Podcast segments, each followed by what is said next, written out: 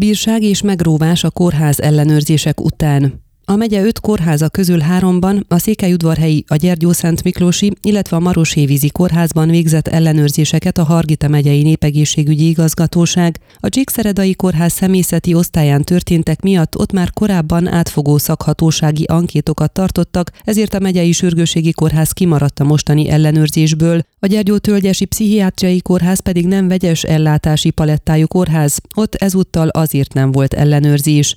Targyöngyi, a népegészségügyi igazgatóság vezetője megkeresésünkre elmondta, mindegyik ellenőrzött kórházban tüzetesen átvizsgálták az igazgatóság képviselői az intenzív terápiás osztályokat, a belső fertőzések problematikáját és a veszélyes hulladéktárolásának a feltételeit is. Lényegében volt egy fókusz tematikája az ellenőrzésnek, ami az utóbbi idők problémáiból eredő tematika volt. Nyilván az egészségügyi minisztérium is azt szerint fogalmazza meg az elvárásait, hogy milyen problémák voltak az utóbbi néhány hónapban vagy évben fogalmazott. A kórházakat ellenőrző szakemberek hasonló problémákat is találtak, mint amilyenek korábban is előfordultak az egészségügyi intézményekben.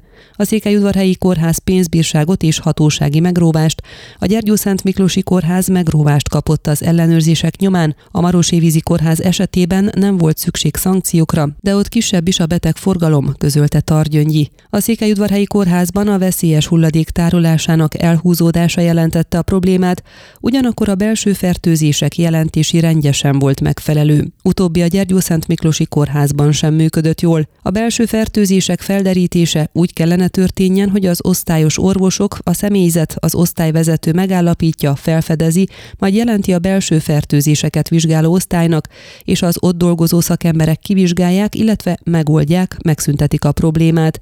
Itt kicsit fordítva történt, a belső fertőzések osztálya keresgél, és ha talál, akkor megoldja. Az, hogy ez így történik, nyilván annak a jele, hogy még nem vált rutinná, tehát egy olyan feladatot jelent, amit a törvény kényszerít rá a kórházakra, magyarázta Targyöngyi, aki szerint rendszeresebbé, még inkább a kórházi rutin részévé kellene váljanak az ellenőrzések, annak érdekében, hogy ne az olyan kritikus helyzetekből kelljen levonni a tanulságot, mint amilyen például a Csíkszeredai Kórház személyzeti osztályán történt. A Gyergyó Szent Miklósi Kórházban egyébként enyhébbek voltak az egészségügyi szakhatóság munkatársai által tapasztalt problémák, ott azért nem alkalmaztak bírságot, csak megróvást. Targyöngyi elmondta, a járványhelyzet nagyon leterhelte a kórházakat az elmúlt két évben, és az egészségügyi szakhatóság nem is várt tökéletes eredményeket az ellenőrzésektől. Ráadásul a Székelyudvarhelyi Kórházban menedzserváltás is történt.